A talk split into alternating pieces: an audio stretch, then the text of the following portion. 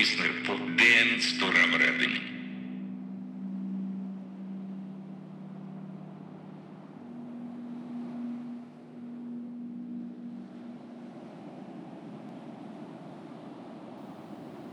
Mitt ute på Atlanten, närmare bestämt på 41,43 grader nord och 49,43 grader väst, ungefär 800 kilometer sydost om Newfoundland, råder evig natt. På ett område som mäter 270 meter på längden och 228 meter på bredden har mörkret mellan den 14 och 15 april 1912 för evigt dröjt sig kvar. Där gjuter skräcken och ångesten vågorna till ständig brottsjö. Förbipasserande fartyg kan emellanåt höra följande på knastrig radiofrekvens.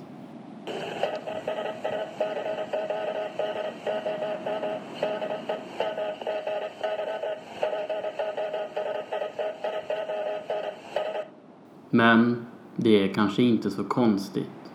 3800 meter därunder, på den karga Atlantbotten vilar RMS Titanic.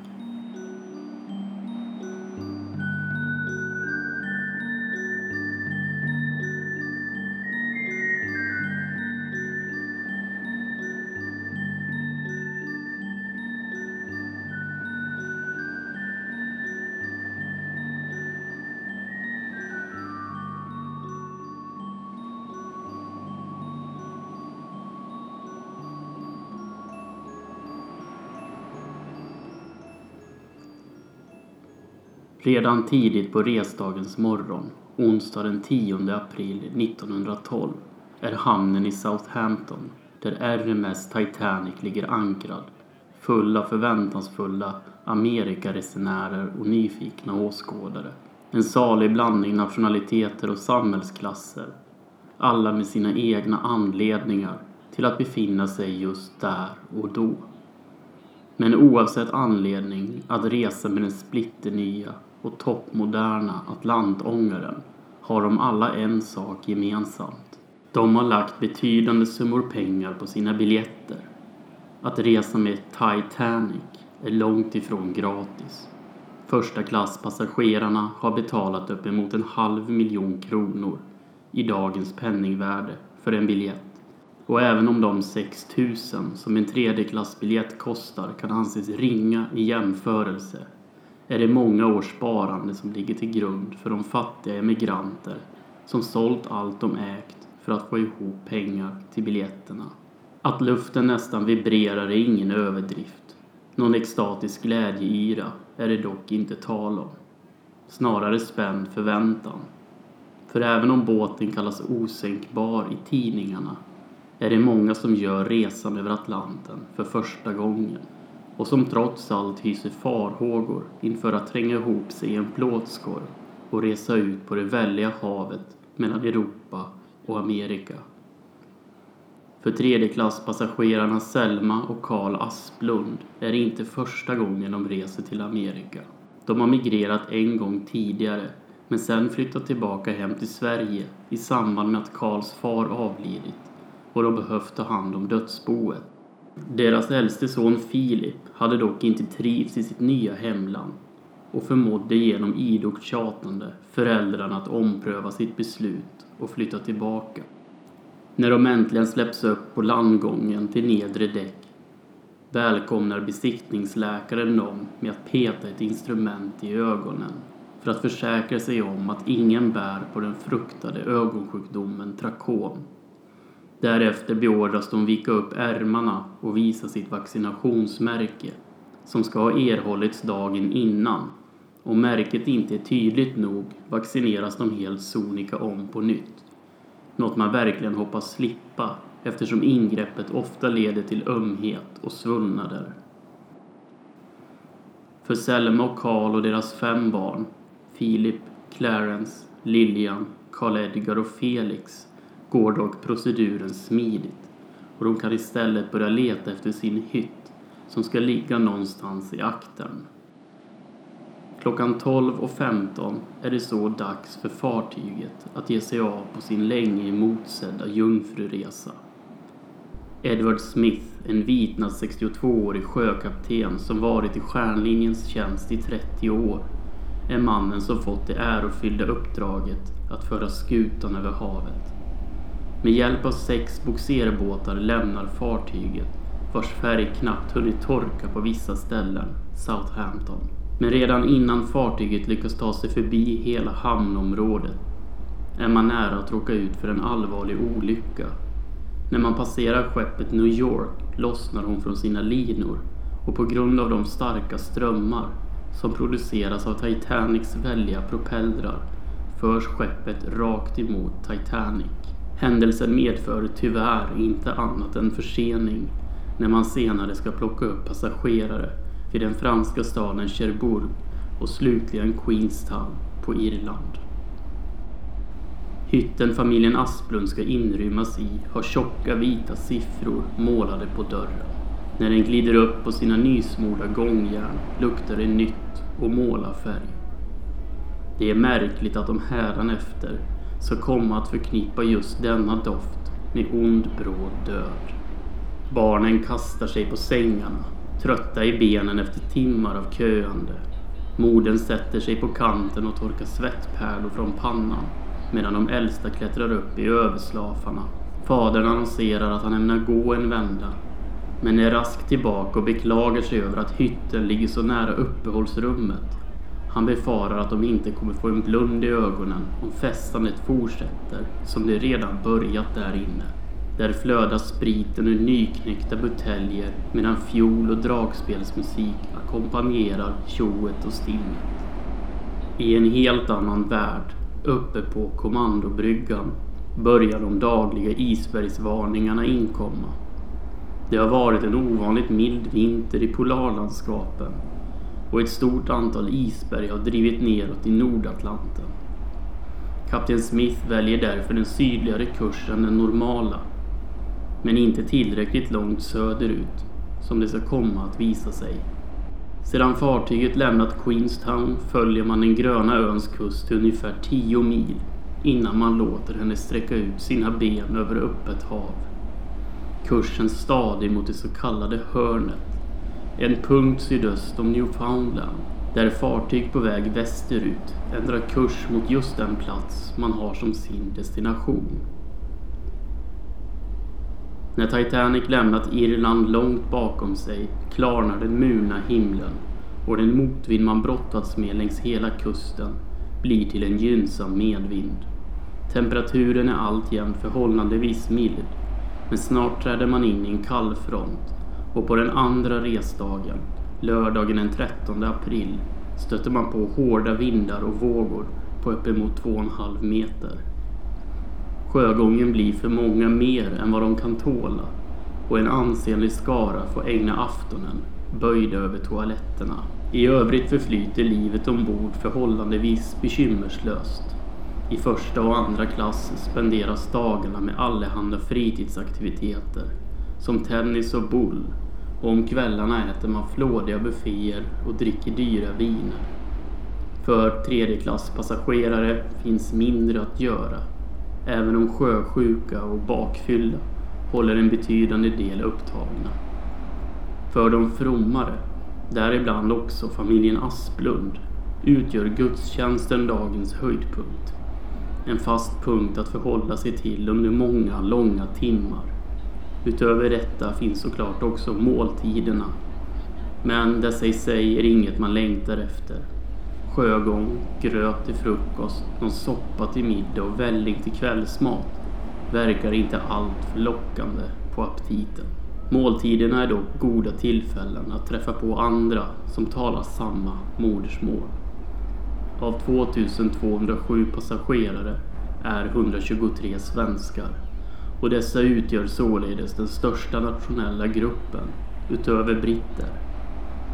Ett större sällskap är familjen Skog från Västergötland. De är sju till antalet. Föräldrarna Anna och Wilhelm på dryga 40 år med barnen Karl, Mabel, Harald och lilla Margit på två år. Mest uppseendeväckande är Karl som hoppar på kryckor till följd av en tidigare olycka där han fått benet amputerat. Där är också Samuel Niklasson, 29 år från Orust, som kallas Sandel av familjen och som mer eller mindre tvingats följa sina syskons exempel och migrera. Det berättas att Sandel i slutet av mars 1912 gått sorgsen runt i hembygden och tagit farväl. Brodern Hjalmar som är kvar i Sverige är sjuklig och med ett litet lantbruk och några få kor behövs de extra ekonomiska bidragen som Sandel ska kunna skicka över från Amerika. Men han reser i alla fall inte ensam. Vännerna Oskar Olsson och Karl Johansson, den sistnämnde som redan varit bosatt i Amerika i flera år och egentligen inte ska åka tillbaka förrän till hösten tillsammans med sin fästmö, har gjort honom sällskap. En annan större grupp är tio svenska migranter ledda av den språkbegåvade Edvin Lundström. Denne Edvin från östra Nöbbelöf i Skåne hade migrerat redan 1900 till Fresno i Kalifornien. Därefter hade han verkat i Kina som missionär och lärt sig kinesiska. Strax innan boxarupproret hade han återvänt till Sverige men är nu på väg tillbaka till USA med sin fästmö Elina Olsson. I den gruppen ingår också bland andra Agnes Sandström, 24 år, som reser med sina små döttrar från föräldrahemmet i Hultsjö i Småland för att komma till maken i San Francisco. I en intervju vid 94 års ålder berättade hon om upplevelserna i tredje klass. Det hade varit en mycket angenäm upplevelse. Hytterna bäddades varje dag och till måltiderna var det fint dukat. Det spelades mycket musik och det dansades mycket. Vi som hade barn tittade mest, men vi var som en enda stor familj. Hon lärde också känna en fru som hela tiden stickade intensivt på en kofta som hon skulle ge till sin make som redan flyttat. Men senare hade hon vägrat hoppa i någon livbåt och någon kofta fick aldrig maken. Om morgonen den 14 april får telegrafisterna ytterligare isvarningar. Denna gång från fartyget Caronia. På kommandobryggan är man högst medveten om faran med isberg. Men dessa hör ju heller inte till ovanligheterna vid den här tiden på året. Och om de ska hålla på och akta sig för isberg hela tiden kommer de aldrig komma fram. Förutom att fartyget heter Titanic och kallas osänkbart tror man sig också kunna upptäcka dem i god tid. På söndagen är vädret till en början mulet och kallt. På eftermiddagen sjunker temperaturen ytterligare och det blir ordentligt kyligt och disigt. Klockan 19.30 skickar SS Californian ett meddelande om ett kraftigt isfält beläget endast en halv mil söderut. Vid denna tid ansvarar andre styrman Charles Lightoller för skeppet. Detta eftersom kapten Smith är bjuden på middag i första klass. När Smith anländer till kommandobryggan 21.20 samtalar han med Lightoller angående de kalla väderförhållandena. Och dessa båda beslutar att informera utkikskorgen om att hålla ett extra öga efter isberg. Trots att de vet att väderleken försvårar chanserna att upptäcka ett isberg i tid behålls den höga hastigheten på 21 knop. Tidigare under dagen sägs det också att fartygets arkitekt, som också är passagerare, Bruce Ismay, kommit med förslaget att öka farten ytterligare, något som han själv senare förnekade. Mot midnatt blir det allt lugnare ombord på fartyget. Hela söndagen har haft något av en mellandag över sig. När den initiala yran lagt sig och varken sprit eller musik förmår upptända någon glöd hos fler än de värsta suputerna har det värsta festandet upphört. De flesta passagerarna ur de olika klasserna går och lägger sig tidigt eller är på väg att göra det. I telegrafrummet råder dock febrilare aktivitet. Där har förste telegrafisten Jack Phillips fullt upp i sitt arbete att via den amerikanska kustradiostationen Cape Race avveckla den omfattande telegramtrafiken som växer ju närmare destinationen man kommer. Tidigare på dagen har de också blivit tvungna att avbryta sändningen för att reparera en trasig transformator. Under tiden har trafiken samlats på hög. När klockan är 23.05 får han ett nytt meddelande från skeppet Californian. Telegrafisten på Kalifornien, Cyril Evans, sänder en rapport som lyder Vi har tvingats stoppa och är nu omgivna av is.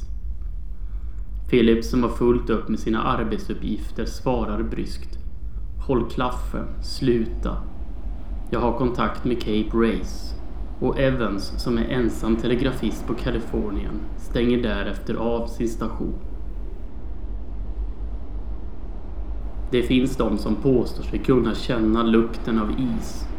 Ombord på Titanic finns ett antal passagerare som i efterhand kommer säga sig vara kapabla till just detta.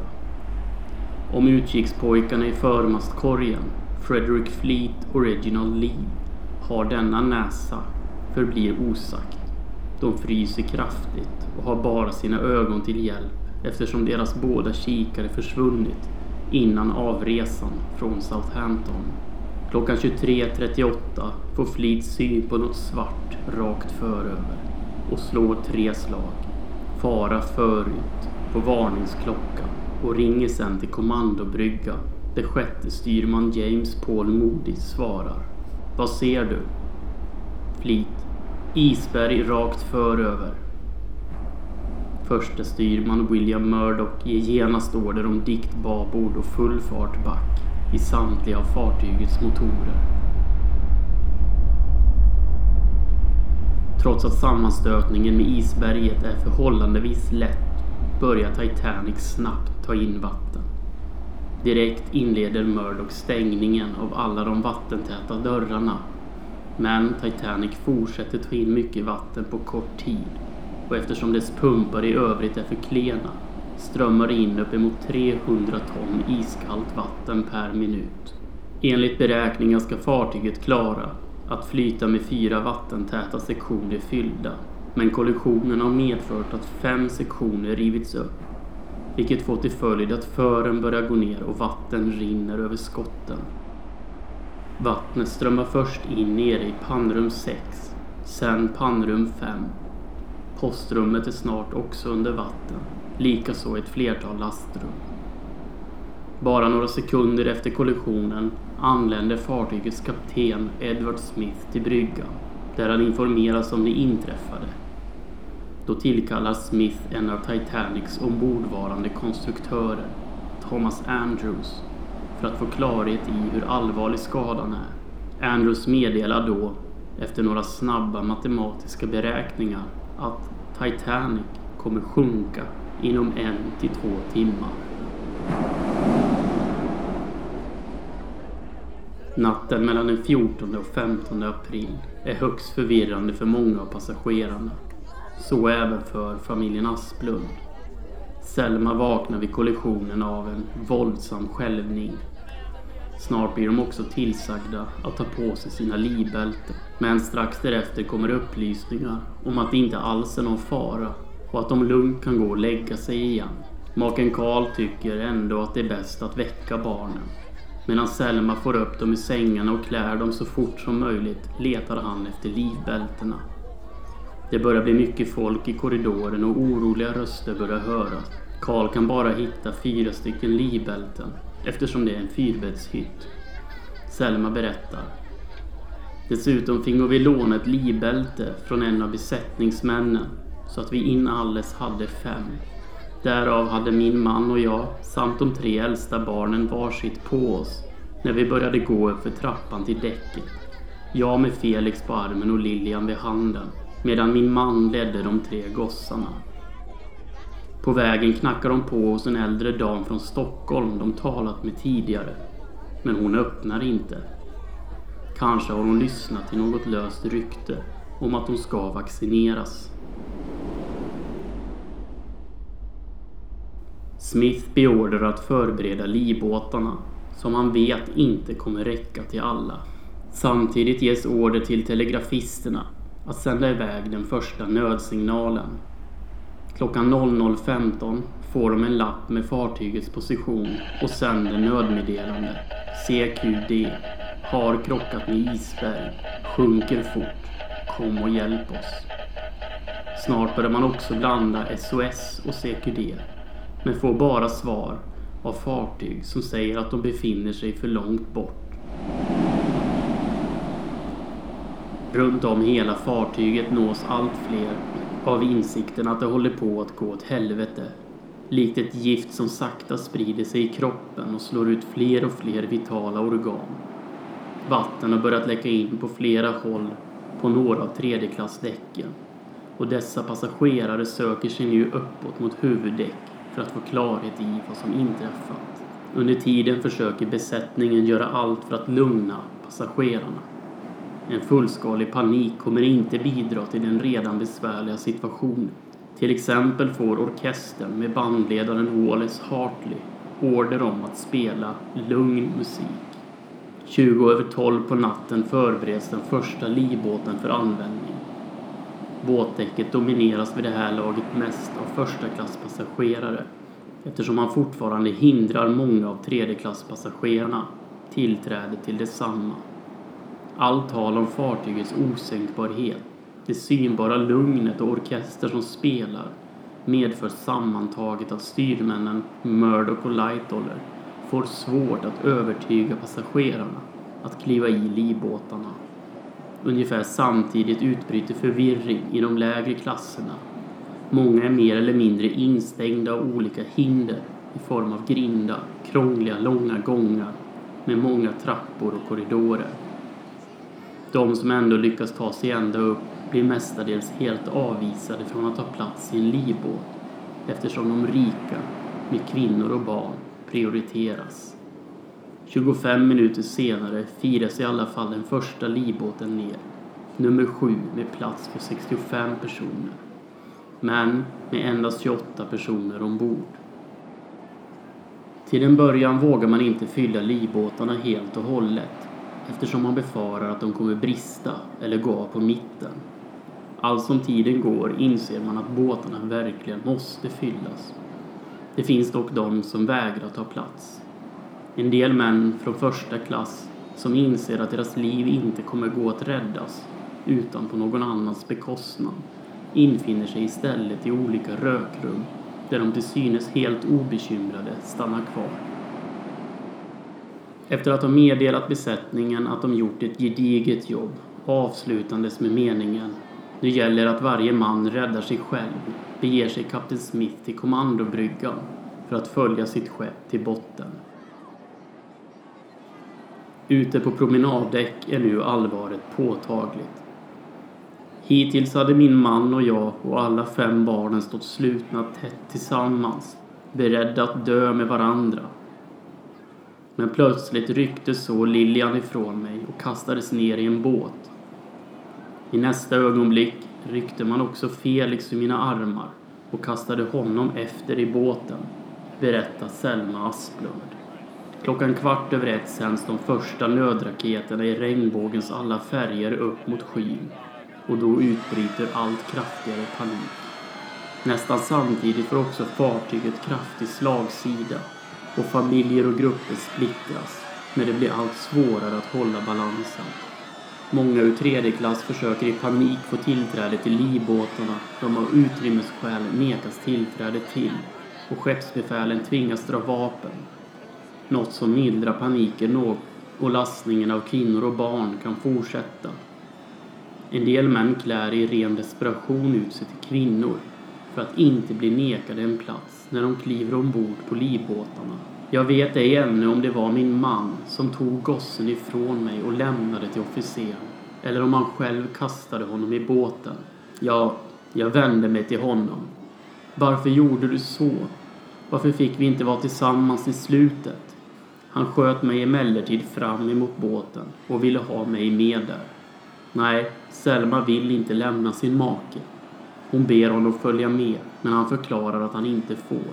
Barnen som redan tagit plats i livbåten gråter. Någon ropar att de ska föra ner barnens mor och ta henne i båten också. Och innan hon vet ordet av har man hivat ner henne Ögonblicket därefter landar en man delvis på henne. Båten har börjat sänkas ner när han kastar sig i den. Hon får en kraftig spark av hans sko i ansiktet och som om inte det är nog får hon genast därefter hans hand över munnen så att hon inte ska dra uppmärksamheten till fripassageraren. När hon ser upp mot däcket varifrån hon kommit hinner hon precis se när Karl tar de tre kvarvarande sönerna och ger sig iväg för att försöka hitta en plats i någon annan båt. Det är sista gången hon ser dem.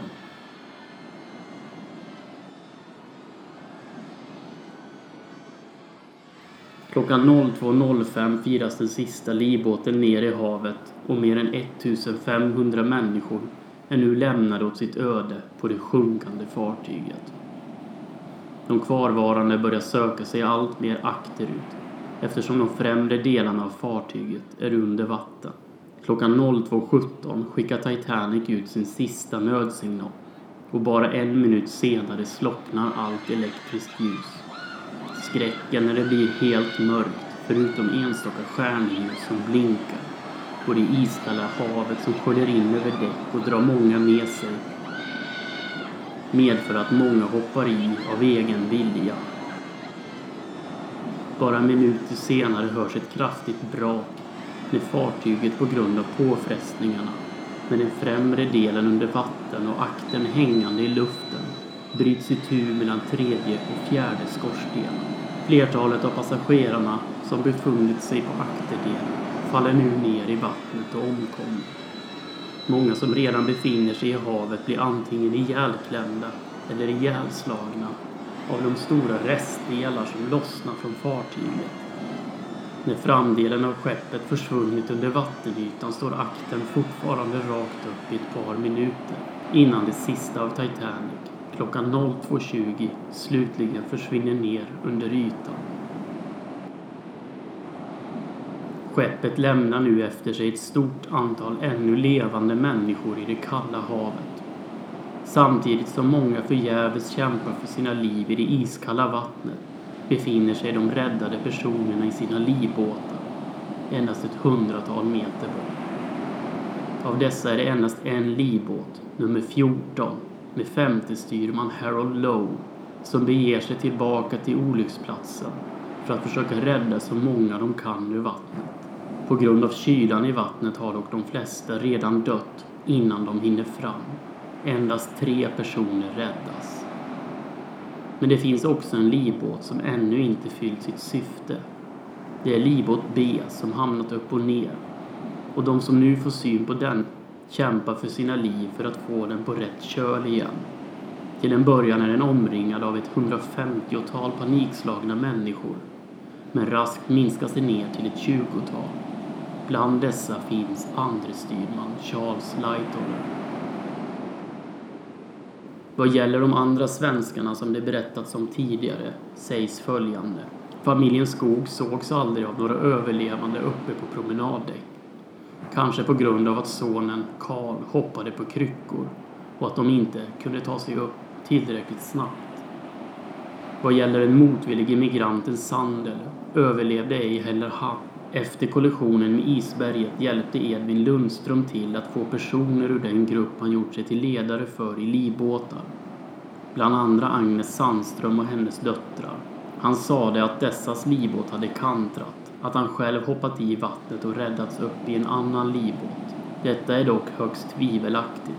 Ingen av livbåtarna kantrade i själva verket och av de mycket få människor som faktiskt räddades ur vattnet var nästan alla besättningsmän.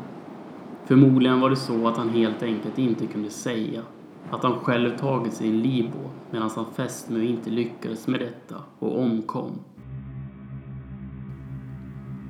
Två timmar och 40 minuter tog det från kollisionen med isberget till att skeppet helt försvunnit under ytan. Själva tiden för hela förloppet säger dock inte allt för mycket. För med den var det nog som det brukar. För vissa var det en hel livstid mellan den bestämda knackningen på hyttdörren till döden i det kalla havet och för andra gick det på bara ett ögonblick. Människor reagerar olika under stress. Vissas hjärnor går igång på högvarv medan andra blir avtrubbade och katatoniska. För vissa slår överlevnadsinstinkten igång för full och denna kan nog förklara en del mindre smickrande beteenden som många uppvisade. En del väjer inga medel för att överleva medan andra låser in sig i sina hytter eller sitter kvar i rökrum och samtalar. Kanske för att de inte vill vara en del i det grymma spelet. En annan svensk vid namn Maurits Ådal en emigrant sedan tidigare som reste från hustru och två barn i Blekinge för att jobba in pengar till familj som snickare i Brooklyn skrev den 9 april ett sista brev hem till sin hustru. Ja, lilla älskling, jag är ännu i Southampton. Det har varit drygt att ligga här. Även alla Amerikalinjens båtar är upplagda till följd av kolstrejken. Så vi blev överflyttade till White Star-linjen vi ska lämna här imorgon middag med Titanic. Det är en ny båt som gör den första resan över Atlanten och är den största White Star-linjen har. Hoppas allt går mig väl och att jag snart kan komma hem till mina älsklingar, mitt allt på jorden. Den 24 april hittades Mauris ihjälfrusen i sitt livbälte. Sedan man undersökt hans kläder och tagit reda på det som ansågs värdefullt sänktes liket i havet enligt bestämmelserna för Titanics omkomna tredjeklasspassagerare. På kroppen hittade man en klockkedja med en hästsko och ett fickur som stannat på 02.34, 14 minuter efter Titanics undergång. Värdesakerna sändes hem till hustrun Emily som la dem jämte breven från Southampton i en pappask. När barnbarnen bad att få titta på morfars ask brukade Emelie sitta i rummet intill. Ja, Maurits Ådals klocka stannade för all framtid på 02.34. Då restes den mur som för alltid ska separera oss från det ohyggliga som hände den natten. Och kanske är det tur att natten mellan den 14 och 15 april inte är en plats vi kan besöka eller kan vi det? Den som befinner sig där en kall vårnatt kan nog känna det som om att man är tillbaka när det skedde. Men kanske är det inte bara i efterhand vi kan uppleva saker. Kanske är vissa händelser så kraftfulla att de kan anas redan innan de inträffat. Så berättas i alla fall om den lilla dödssjuka flickan Jessie i Skottland. W. Rex Soden var kapten i Frälsningsarmén i staden Kirkudbright på Skottland. På kvällen den 14 april 1912 hade Soden redan gått och lagt sig när någon knackade på dörren och frågade. Kapten, kan du komma på en gång? Jesse håller på att dö. Soden klädde sig genast och gick till rummet där den lilla föräldralösa flickan låg. Han satt ensam med henne i några minuter men exakt klockan elva satte hon sig raklång upp i sängen. När hon fick syn på Soden som satt bredvid henne sa hon Håll min hand. Jag är så rädd. Kan du inte se det stora skeppet som sjunker i havet? Soden som tänkte att barnet yrade försökte lugna henne med att det bara var en mardröm. Men Jessie blev inte lugnare. Nej, svarade hon. Någon som heter Wally spelar fiol och är på väg mot dig. Soden tittade sig omkring i rummet men såg ingenting anmärkningsvärt. Han la försiktigt ner flickan i sängen igen och sen föll hon in i koma. Kapten Soden satt med det döende barnet i flera timmar utan att observera någon förändring i hennes svåra tillstånd. Men sen hörde han plötsligt hur dörrhandtaget i rummet trycktes ner. Han reste sig då och gick för att öppna men det var ingen där. Han fick dock en stark förnimmelse av att någon gått förbi honom och in i rummet. Sen han rusat tillbaka till sängen upptäckte han att något hänt och att döden nu bara var sekunder bort. Då öppnade den lilla flickan ögonen och sa Ta mig till himlen. Soden höll hennes hand en liten stund och sen dog hon fridfull. Han reste sig från sängen för att hämta hjälp när han återigen hörde dörrhandtaget tryckas ner. Återigen fanns ingen på andra sidan dörren. Men han kunde inte hjälpa sig med att tänka att gästets mamma kommit och tagit henne med sig.